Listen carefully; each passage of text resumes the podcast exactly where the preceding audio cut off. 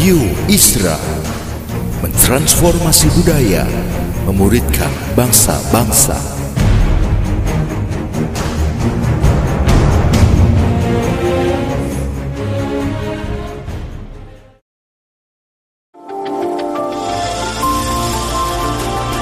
Voice of Pradaim menyuarakan paradigma kebenaran firman Tuhan yang esensi untuk memperlengkapi Anda menggenapi misi dan panggilan ilahi. Selamat mendengarkan.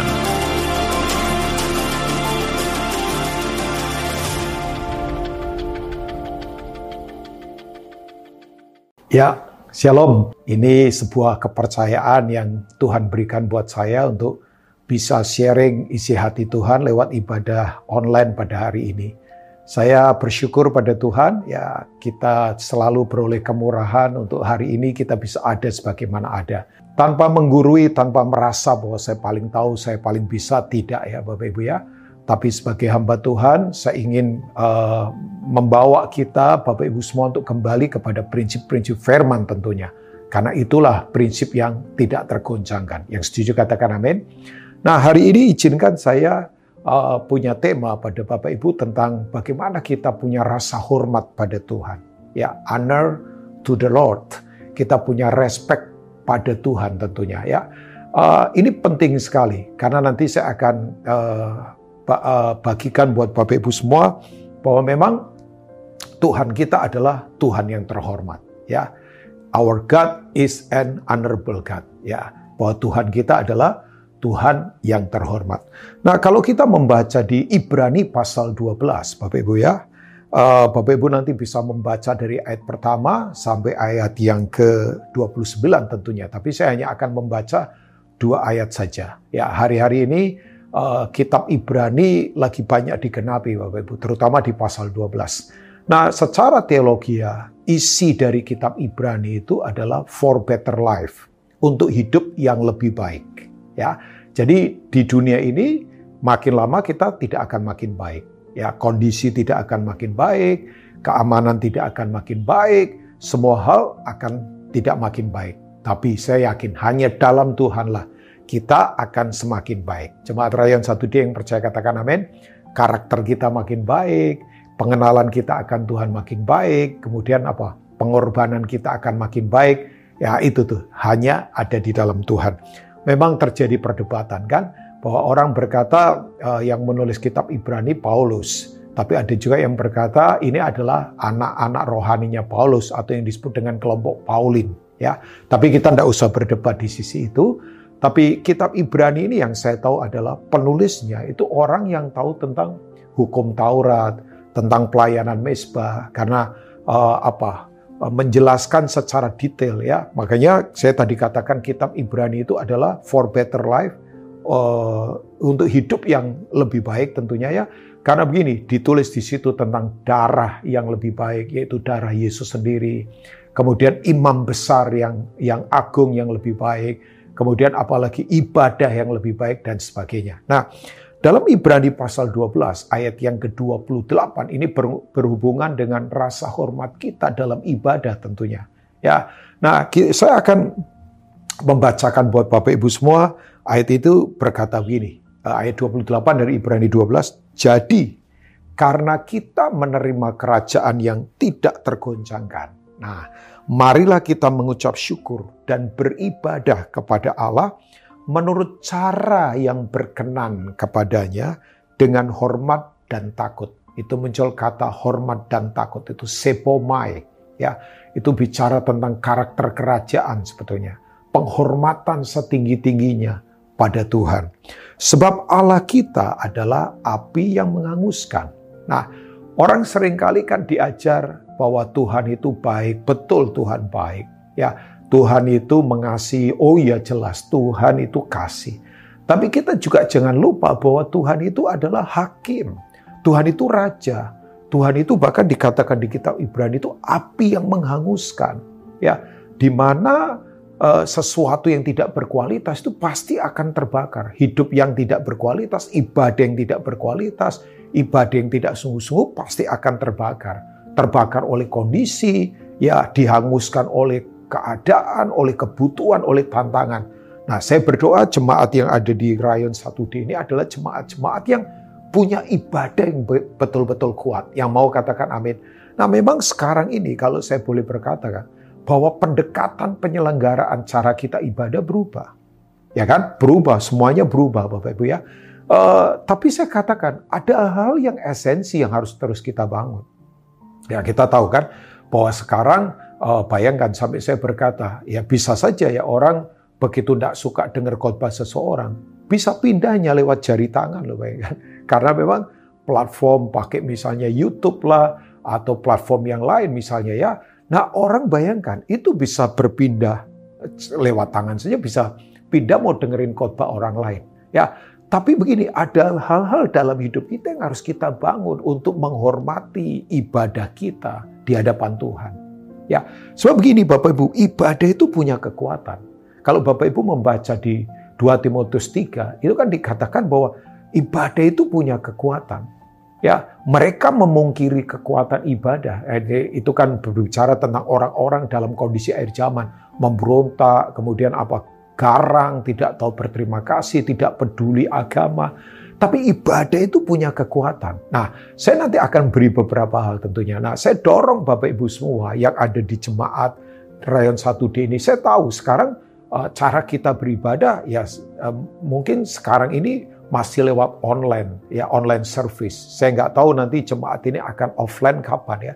Tapi mari kita tetap latih ibadah yang sungguh-sungguh di hadapan Tuhan ibadah yang sungguh-sungguh menyerahkan yang terbaik buat Tuhan. Karena memang Tuhan itu layak untuk terima yang terbaik. Yang percaya katakan amin. Nah, kata ibadah itu kalau Bapak Ibu belajar bahasa aslinya itu kan ada beberapa kata. Ya, misal ibadah yang disebut dengan ibadah liturgi. Ya biasanya kan ada di gedung gereja, kemudian ada itu kan ada urutannya ya, ada nyanyian doa pembukaan, nyanyian syukur, dengar khotbah, dan kemudian uh, doa berkat. Nah, itu ibadah yang disebut dengan latreo. Itu ibadah liturgi. Nah, memang sekarang ini belum bisa dikerjakan karena memang kondisi kan. Ya, tapi saya lihat beberapa tempat sekarang sudah mulai ya mulai pelan-pelan lakukan itu. Tapi ada ibadah yang kedua namanya treskea. Nah, itu ada di kitab uh, kalau nggak salah Yakobus pasal pertama ayat 27 yaitu mengunjungi janda-janda miskin dalam kesusahan mereka dan anak-anak yatim piatu. Ini ibadah yang sebetulnya apa namanya lebih memperhatikan orang-orang yang termarginalisasi, termarginalisasi ya. Orang-orang yang terpinggirkan yang membutuhkan pertolongan. Itu ibadah. Itu ya bahasa lainnya itu seperti kayak memberi bantuan ya secara makanan kah, pendidikan kah dan sebagainya ya Bapak Ibu. Tapi ada ibadah yang ketiga. Nah ini yang sering ditulis di Alkitab Perjanjian Baru. Namanya Eusebia. Nah Eusebia ini adalah ibadah di mana kita mengalami keserupaan dengan karakter Kristus. Makanya kalau orang pikir bahwa ibadah itu hal biasa, enggak Bapak Ibu. Ya mungkin ya, mungkin ya. Ah udahlah santai-santai saja. Wong ibadah pakai online kok. Ya tapi kan kita harus tahu begini, Tuhan itu melihat hati kita. Bahkan Tuhan itu kan melihatnya sesuatu yang mungkin orang lain tidak lihat. Tapi Tuhan melihat Bapak Ibu. Oh iya, iya, iya. Makanya saya belajar dalam hidup ini. Bahwa saya melayani, misalnya seperti ini dipercaya melayani oleh GPI Rayon 1D. Ya dalam hal ini Pastor Kiki yang minta saya, ya sekali lagi ini sebuah kepercayaan, saya akan melayani dengan segenap hati. Saya punya persiapan, saya berdoa Tuhan, apa yang engkau mau sampaikan buat jemaat ini. Ya, karena saya tahu begini, ibadah itu punya kekuatan yang luar biasa, Bapak. Ibadah itu punya kekuatan untuk mengubah kehidupan kita. Ya, makanya saya punya prinsip dalam hidup. Kalau Bapak Ibu itu mau jadi orang yang maksimal, ya, kalau saya katakan maksimal, bukan sekedar ngomong soal hanya uang banyak, bukan itu. Kan banyak orang kaya belum tentu maksimal. Ya, tapi kalau kita mau maksimal dalam kehidupan, kita itu harus selalu punya prinsip gini. Jadilah orang yang benar, ada di waktu yang benar, ada di tempat yang benar, mengerjakan hal yang benar. Nah semua itu hanya didapat waktu kita berjumpa dengan ibadah kita di hadapan Tuhan. Ya makanya pemazmur berkata kan dalam Mazmur pasal yang ke-84 kan, Itu Mazmurnya Bani Korah ya. Bapak Ibu hafallah Mazmur 84 ayat 11. Korah itu artinya botak, gundul. Korah itu punya pelayanan kelihatannya sederhana, yaitu menjadi penjaga pintu bait Allah. Tapi itu kan pelayanan cutting edge itu, itu ada di depan itu. Itu frontline uh, apa? Ministry itu. Itu pelayanan ada di frontline itu di garis depan. Nah, uh, Korah berkata begini, lebih baik satu hari di pelataranmu daripada seribu hari di kemah-kemah orang fasik. Artinya begini, satu hari di dalam ibadah itu kualitasnya melebihi seribu hari orang di tempat-tempat fasik. Jadi bayangkan satu banding seribu kualitasnya jauh banget. Makanya orang yang ibadahnya kuat itu akan lain. Nah, saya mendorong Bapak Ibu tanpa menggurui tentunya ya. Yuk sungguh-sungguhlah dalam ibadah.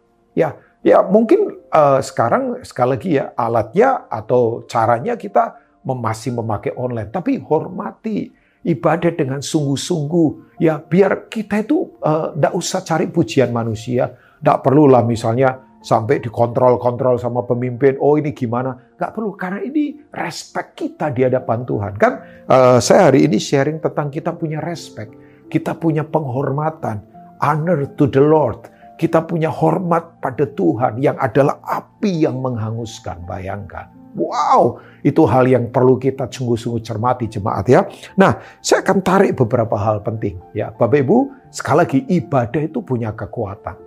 Ya, makanya misalnya 1 Timotius 6 berkata, ibadah kalau disertai rasa cukup, itu mendatangkan apa? Keuntungan besar. Keuntungan. Itu kata keuntungan atau bonafit.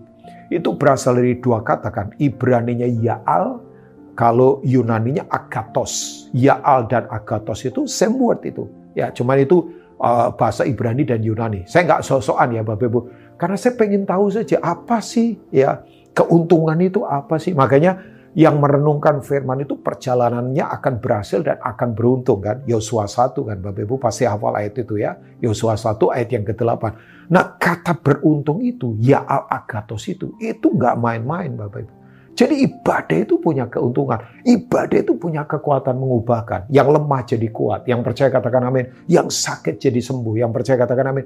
Sebab yang pertama, dalam ibadah itu tujuannya kan satu. Kita berjumpa dengan Tuhan face to face.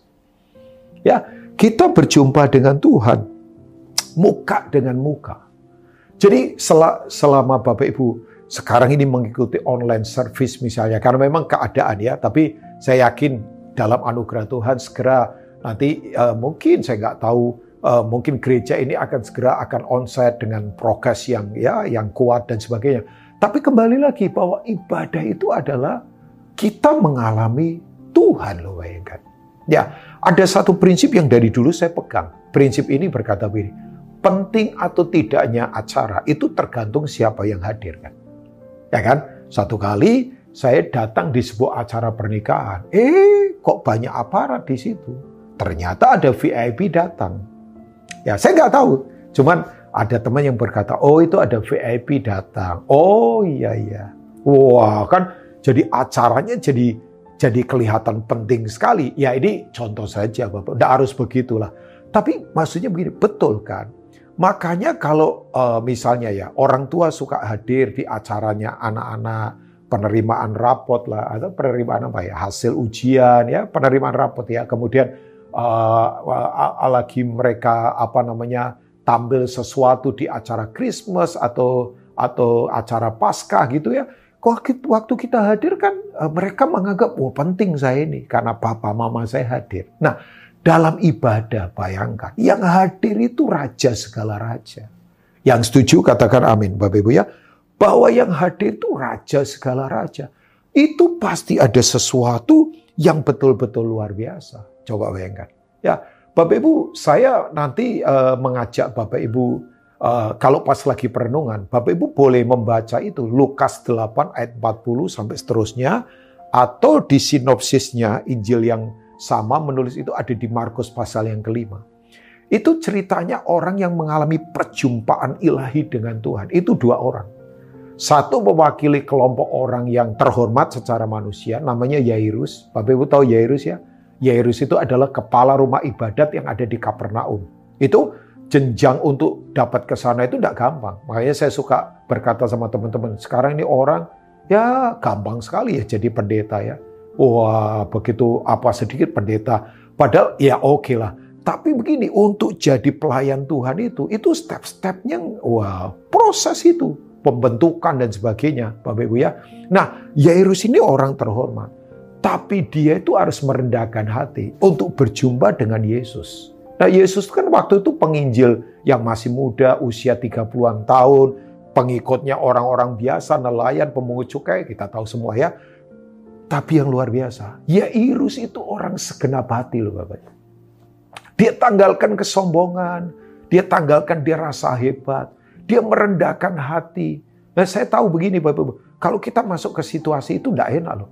Orang-orang Yahudi mungkin akan omongin dia, eh ini orang terhormat, kok mau tanggalkan semua ini untuk ketemu orang di uh, ya ketemunya di, di di sebuah perjalanan kan. Ya. Nah, kemudian waktu ya Yerus datang karena anaknya yang usia 12 tahun sakit keras dan bahkan mati kan nantinya. Ya di ujung cerita di Lukas 8 ayat 40 dan seterusnya itu mati walaupun anaknya nanti bangkit dibangkitkan oleh Yesus. Tapi dalam perjalanan itu tiba-tiba dia diinterupsi oleh sebuah kejadian Padahal dia yang pertama datang loh. Makanya betul ya, first come, not first serve. Yang datang pertama belum tentu dilayani pertama. Ya, tapi jangan-jangan marah. Ya, Yairus itu membiarkan Yesus melayani yang lain dulu. Yang dilayani siapa? Orang yang secara masyarakat dianggap najis, yaitu wanita yang 12 tahun sakit pendarahan. Itu keluar lelehan di alat private-nya dia.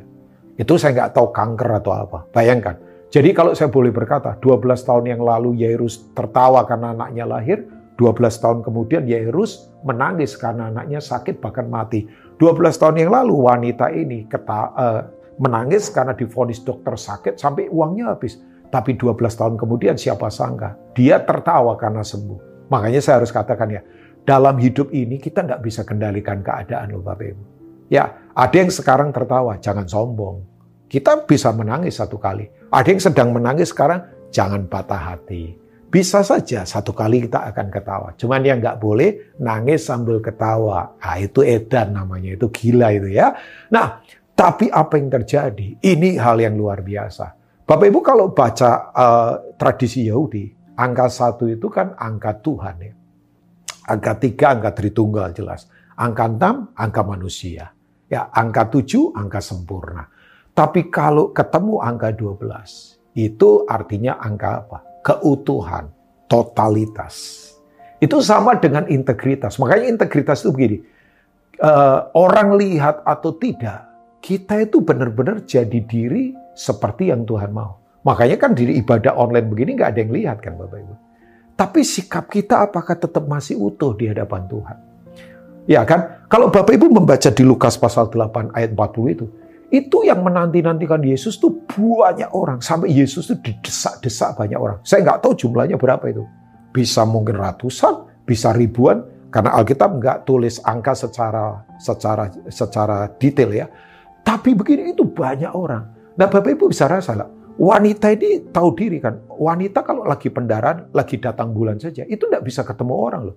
Sebab kalau dia ketemu orang nempel sesuatu, orangnya jadi najis.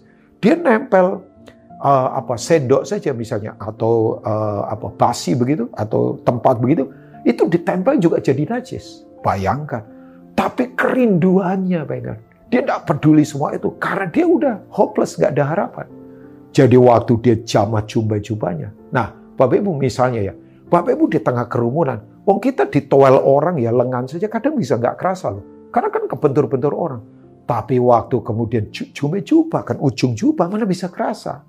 Tapi waktu dijamah, Yesus dijamah, Yesus berhenti. Dan dia tanya, Petrus, siapa yang menjamah aku? Petrus logika banget jawabannya. Tuhan, orang banyak menjamah engkau. Tapi Tuhan ngomong, enggak Petrus. Ada kuasa keluar dari dalamku.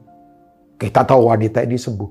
Nah Bapak Ibu bayangkan, dua orang ini sekali lagi ya, mewakili orang-orang yang secara prestisius luar biasa, tapi juga orang-orang yang terbuang, yang sakit itu mengalami perjumpaan ilahi dengan Tuhan dan dua-duanya mengalami mujizat. Ya, Yairus anaknya kemudian um, hidup kembali, dibangkitkan oleh Yesus dari yang orang mati.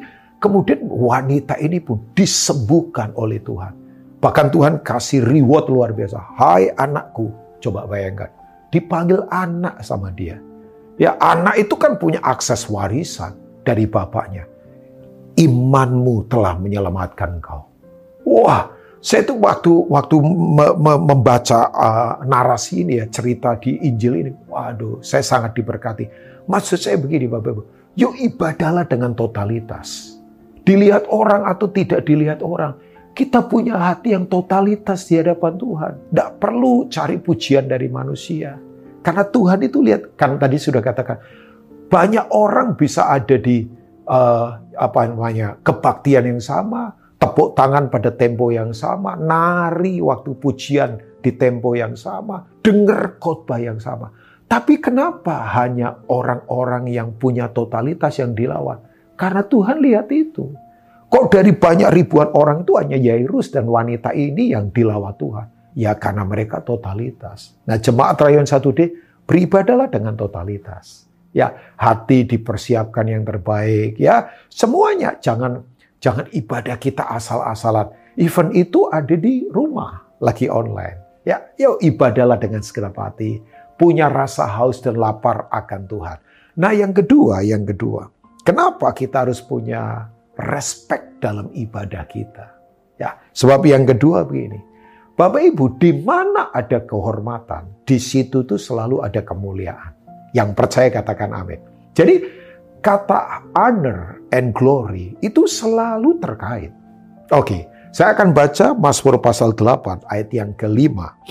Ini Tuhan itu memahkotai kita. Kata mahkota itu berarti istilah kerajaan kan kita tinggal dalam kerajaan yang tidak tergoncangkan. Ibrani 12 yang kita tadi baca. Yang percaya katakan amin, goncang saja enggak, apalagi ambruk. Bayangkan. Jadi kalau sekarang digoncangkan di mana-mana enggak apa-apa. Kan kita tinggal di kerajaan yang tidak tergoncangkan. ya. Tapi kita harus tahu Tuhan kita api yang menghanguskan. Kita tidak bisa main-main dalam kehidupan. Nah, Mazmur pasal yang ke-8, kita lihat ayat yang kelima ya Bapak Ibu bisa baca mungkin nanti di multimedia akan tampilkan di screen uh, ya tapi Bapak Ibu boleh baca di Alkitab Bapak Ibu ya. Mazmur pasal 8. Nah, saya akan bacakan buat Bapak Ibu ayat yang kelima sampai ayat yang keenam. Apakah manusia sehingga engkau mengingatnya?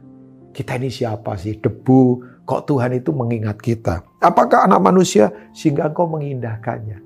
Ini kan sindiran satir begitu. Ya, seperti siapa sih Rubin Ong? Ya, biasa saja dia. Ah, fasilitasnya nggak ada, sederhana tapi kemudian Tuhan berkata begini, namun engkau telah membuatnya. Nya di sini kita ini hampir sama seperti Allah. Ya, not equal ya Bapak Ibu, not equalness ya, but likeness. Kita ini mirip seperti kan, seperti ya. Dan telah memakotainya dengan apa? Kemuliaan dan hormat. Jadi Tuhan itu taruh kehormatan di dalam kita untuk kita hidup dalam kehormatan untuk menghormati Tuhan. Sebab gini, di mana ada respect, di situ itu selalu ada kemuliaan. Ya, yang mau katakan amin. Bapak Ibu kata glory of God, kemuliaan Tuhan. Orang Tuhan itu kalau ketemu orang yang hormat pada dia, itu pasti orang itu akan mengalami the glory of God. Saya mau banget. Makanya doa abdi Tuhan Musa dalam keluaran 33. Dia berkata, tunjukkan kepadaku kemuliaanmu. Show your glory, Lord. Tunjukkan kemuliaanmu ya Tuhan. Karena kemuliaan itu berasal dari kata asli namanya kabut bahasa Ibrani, doksa bahasa Yunani. Kabut doksa itu artinya God quality, kualitasnya Tuhan. Bayangkan. Bapak Ibu jadi ternyata kalau kita itu respect dalam ibadah, kita itu akan hidup dalam kemuliaan. Nah sayang sih ya, orang suka ukur kemuliaan hanya dari perasaan. Wah merinding saya karena dipenuhi kemuliaan Tuhan. Ya bolehlah. Wah saya rasa lega. Ya bolehlah. Tapi lebih dari itu, sebab ini kata kualitas itu berarti itu sesuatu yang besar, hebat. Bapak Ibu ciri barang yang harganya mahal itu karena berkualitas. Ya, saya tidak mengajak saudara mesti harus beli barang mahal, enggak, bukan itu. Ya, ini contoh saja kok. Tapi memang betul barang kalau berkualitas itu pasti mahal. Dan yang berikutnya lagi, yang nggak main-main, barang itu kalau berkualitas pasti punya daya tahan. Ada endurance begitu ya. Uh, the strong durability itu ada pada sesuatu yang berkualitas. Oh iya dong, hari-hari begini kalau hidup tidak berkualitas, waduh Bapak Ibu, kalau tidak punya daya tahan Bapak Ibu, wah serangannya luar biasa. Kita mesti punya daya tahan dalam kehidupan ya. Jangan jadi Kristen yang nggak punya daya tahan. Makanya betul kan, Alkitab berkata dalam uh, Yesaya pasal yang ke-40 ayat 30 sampai 31. Ya, itu kan anomali banget. Orang-orang muda menjadi letih dan lesu, taruna-taruna jatuh tersandung. Coba bayangkan. Usia-usia yang kuat-kuat pada tumbang semua. Makanya dunia kita ini anomali ya. Banyak yang muda-muda ternyata pada nggak kuat. Banyak orang pintar ternyata nggak bijaksana. Banyak orang bisa pergi ke bulan tapi tidak bisa balik ke rumah karena hubungannya rusak. Itu kan anomali banget ya Bapak Ibu. Ya. Nah, tetapi orang-orang yang menanti-nantikan Tuhan. Let's go and let's God. Ya, itu mendapat kekuatan yang baru. Yang mau jemaat Rayon 1D katakan amin. Mereka seumpama Raja Wali yang terbang tinggi dengan sayapnya. Mereka berlari dan tidak menjadi lesu. Mereka berjalan dan tidak menjadi apa? Lelah. Ya, luar biasa loh terbang tapi tidak menjadi lesu, berlari tidak menjadi lelah, ya berjalan tidak menjadi penat. Jadi begini Bapak Ibu, ada waktunya kita terbang, ada waktunya kita berlari, ada waktunya kita jalan. Tapi yang penting tetap bergerak. Makanya saya katakan, yang sekarang lagi terbang, nggak usah meremehkan yang lagi lari. Yang lagi lari, jangan meremehkan yang lagi jalan. Yang lagi jalan, nggak usah iri sama yang lagi berlari. Yang lagi berlari, tidak usah iri pada yang lagi terbang. Jadi mau terbang, mau berlari, mau berjalan. Yang penting kita tetap bergerak. Nah itu semua karena kita punya kualitas Tuhan. Yang mau katakan amin. Jadi begini Bapak Ibu semua. Nah untuk kita punya kualitas, ya harus mau yang namanya disiplin. Iya dong, coba. Waktu Olimpiade kemarin saya bersyukur ya, Indonesia pertahankan tradisi emas di bidang ol olahraga bulu tangkis. Ganda putra, eh ganda putri maaf ya. Sesuatu yang mengejutkan. Nggak diunggulkan, eh malah dapat emas. Tapi kan saya tahu orang hanya lihat, oh waktu juara dapat bonus banyak miliatan. Wah seneng. Tapi kan disiplin waktu latihannya itu. Nah sekarang kata disiplin ini langka sih ya. Orang seenak-enaknya. Gak bisa Bapak Ibu. Ibadah gak bisa seenak-enaknya. Nah kata disiplin itu berasal dari kata asli namanya baideo. Itu yang Alkitab katakan, rotanlah anakmu supaya engkau menyelamatkan nyawanya. Jadi disiplin, disiplin. Makanya betul, orang itu kalau punya disiplin, itu beda memang. Saya sering katakan ya, tidak perlu didisiplin dari luar kalau orang punya disiplin dari dalam. Nah, orang kalau tidak punya, uh, mau didisiplin, nah saya ingatkan, disiplin itu bagian dari kasih. Jadi kalau Bapak Ibu ditegur, punya hati yang dijebel, gampang diajar. Ya, saya itu mau seperti uh, Daud. Daud itu orang yang gampang diajar. Kalau Tuhan tegur, dia selalu rendah hati. Oh iya ya, lututnya itu gampang ditekuk begitu loh, nggak kaku. Ya orang kalau sombong itu kan lututnya kaku. Makanya kalau nekuk segini bisa patah. Ya patah Bapak Ibu ya.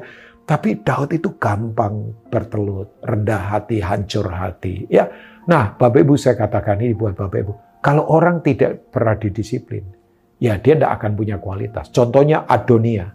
Di satu Raja-Raja pasal pertama ayat 5 sampai 6. Waktu Daud tua, dia meninggal bukan karena sakit parah ya, karena memang sudah tua. Bapak Ibu tahu penggantinya kan jelas urapannya turun pada Salomo. Tapi Adonia itu mengangkat diri menjadi raja. Kerahkan 50 orang yang berlari di depannya dia. Kasihan. Tapi Alkitab berkata begini, seumur hidupnya Adonia itu tidak pernah ditegur oleh bapaknya. Tidak pernah didisiplin. Makanya orang kalau tidak pernah disiplin, merasa dia raja, padahal mentalnya budak. Kasihan. Kan dia diperbudak ambisi, Bapak Ibu. Kasihan sekali. Nah, jemaat Rayon 1D, yuk kita sungguh-sungguh punya kehormatan untuk menghormati Tuhan. Karena itu yang membuat kita punya kualitasnya Tuhan. Saya selesai dengan yang berikutnya, tapi saya tutup dengan ini. Prinsip yang ketiga adalah begini. Bapak Ibu mari bersungguh hatilah dalam ibadah. Karena Tuhan itu akan percayakan hal-hal yang besar buat orang yang bersungguh hati dalam ibadahnya. Yang mau katakan amin? Saya percaya Pastor Kiki dan semua diaken yang ada, yang ada di GPI Rayon 1D ini, Bapak Ibu bersiaplah ada banyak hal besar yang akan Tuhan kerjakan di depan ini. Saya yakin. Ya memang ini kita ada di era perubahan sangat luar biasa. Coba, Bapak mungkin ya, kalau kita berpikir, saya tuh sekarang ya, lihat uang cash saja udah jarang. Ya, ya kadang-kala masih lihat. Tapi sekarang bayangkan, eh perubahannya cepat loh. Orang nggak perlu lagi pakai uang cash sekarang. Semua sudah pakai e-money, transaksi sudah ya lewat ya lewat elektronik semua coba bayangkan lewat lewat apa ya device yang sudah ada lewat lewat elektronik ya device ya. Tapi betul ya Bapak Ibu, sekarang ini perubahannya luar biasa. Tapi nggak apa-apa. Yang tidak berubah kan tiga hal saja, yaitu Tuhan, firman-Nya, dan kerajaannya. Jadi kalau kita mau tetap kuat harus ada di situ. Nah itu semua bicara tentang ibadah yang segenap hati. Di mana kita berjumpa dengan Tuhan, yang tadi saya katakan, berjumpa dengan firman-Nya, dan berjumpa dengan pemerintahnya, kerajaannya yang tidak tergoncangkan. Jemaat satu d yang percaya katakan amin. Nah, Bapak Ibu, saya tutup dengan Yesaya pasal 43. Berharap ini menjadi pesan profetik uh, untuk kita bersiap ke depan ya. Yesaya 43 itu Alkitab berkata begini. Ya, Bapak mulai ayat yang ke-18 sampai ayat yang ke-20. Saya akan selesai, setelah ini kita akan berdoa. Firman Tuhan, janganlah ingat-ingat hal-hal yang dahulu. Dan janganlah perhatikan hal-hal yang dari zaman purbakala. Lihat, behold, perhatikan, look. Itu artinya perspektifmu memang harus kuat dalam ibadah. Makanya ibadahlah segenap hati. Karena waktu kita beribadah, ditegur, dikuatkan, mata rohani kita jadi makin terbuka, makin terang. Lihat, Alkitab berkata begini, Aku tidak membuat sesuatu yang baru. Yang sekarang sudah tumbuh, belumkah kamu mengetahuinya? Ada sesuatu yang baru, tapi Tuhan sudah kasih tanda-tandanya, Bapak Ibu. Makanya kalau kita tidak peka dalam ibadah, kita susah memahami ini. Ya, ya ditegaskan lagi. Aku tidak membuat jalan di padang gurun dan sungai-sungai di padang belantara. Jemaat yang percaya katakan amin. Bayangkan, ada hal yang aneh tapi nyata dan Tuhan akan kerjakan. Buat rayon 1D, percayalah. Ada hal yang susah dilogikakan, tapi akan terjadi. Ya, binatang hutan akan memuliakan aku, serigala dan burung onta. Ya, Bapak Ibu bisa tafsirkan. Ini artinya begini, ada orang-orang yang tidak kita sangka, yang mungkin backgroundnya begitu hancur, jahat, akan datang kepada Tuhan.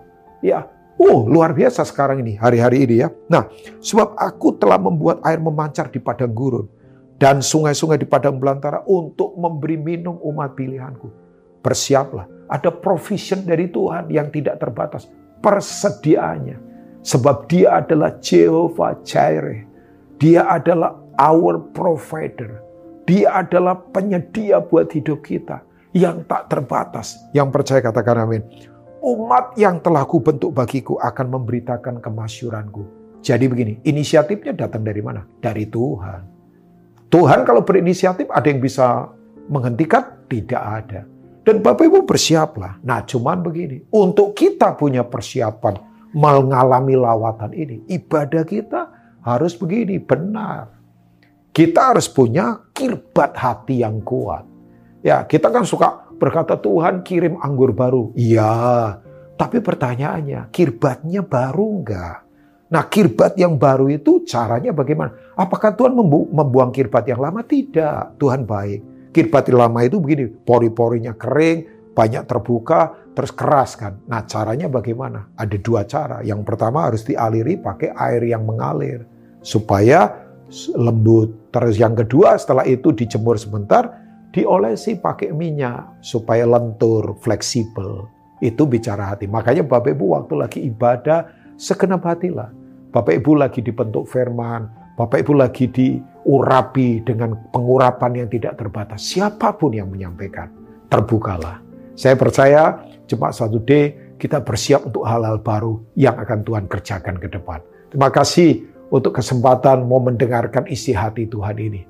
Tuhan selalu beserta kita. Izinkan saya berdoa buat Bapak Ibu semua. Mari buka hati di mana pun Bapak Ibu berada, apa pun kondisi kita. Yuk sembah Tuhan bersama-sama. Karapataka sekete karapa. O karapataka sede karapa.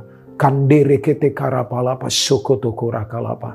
Secara khusus doakan buat umatmu yang ada di jemaat 1D dan setiap orang yang mendengarkan isi hati Tuhan ini.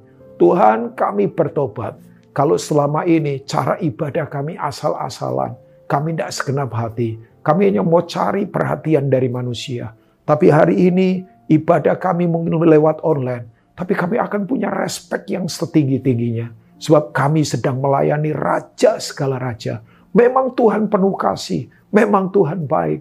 Tapi kami juga tidak akan lupa engkau hakim, engkau api yang menghanguskan. Engkau sungguh-sungguh Tuhan yang tidak bisa uh, dikompromikan oleh hal-hal yang salah. Kami mau hormati Tuhan lebih daripada apa pun. Hari ini yang lemah dikuatkan, yang sakit disembuhkan. Hamba berdoa buat Pastor Kiki dengan keluarga, semua diaken, semua jemaat, yang lagi mengalami apa pun, Tuhan memberkati, Tuhan menolong. Bagimu hormat, bagimu pujian. Dalam nama Tuhan Yesus. Mari kita pengen percaya katakan. Amin. Tuhan Yesus memberkati.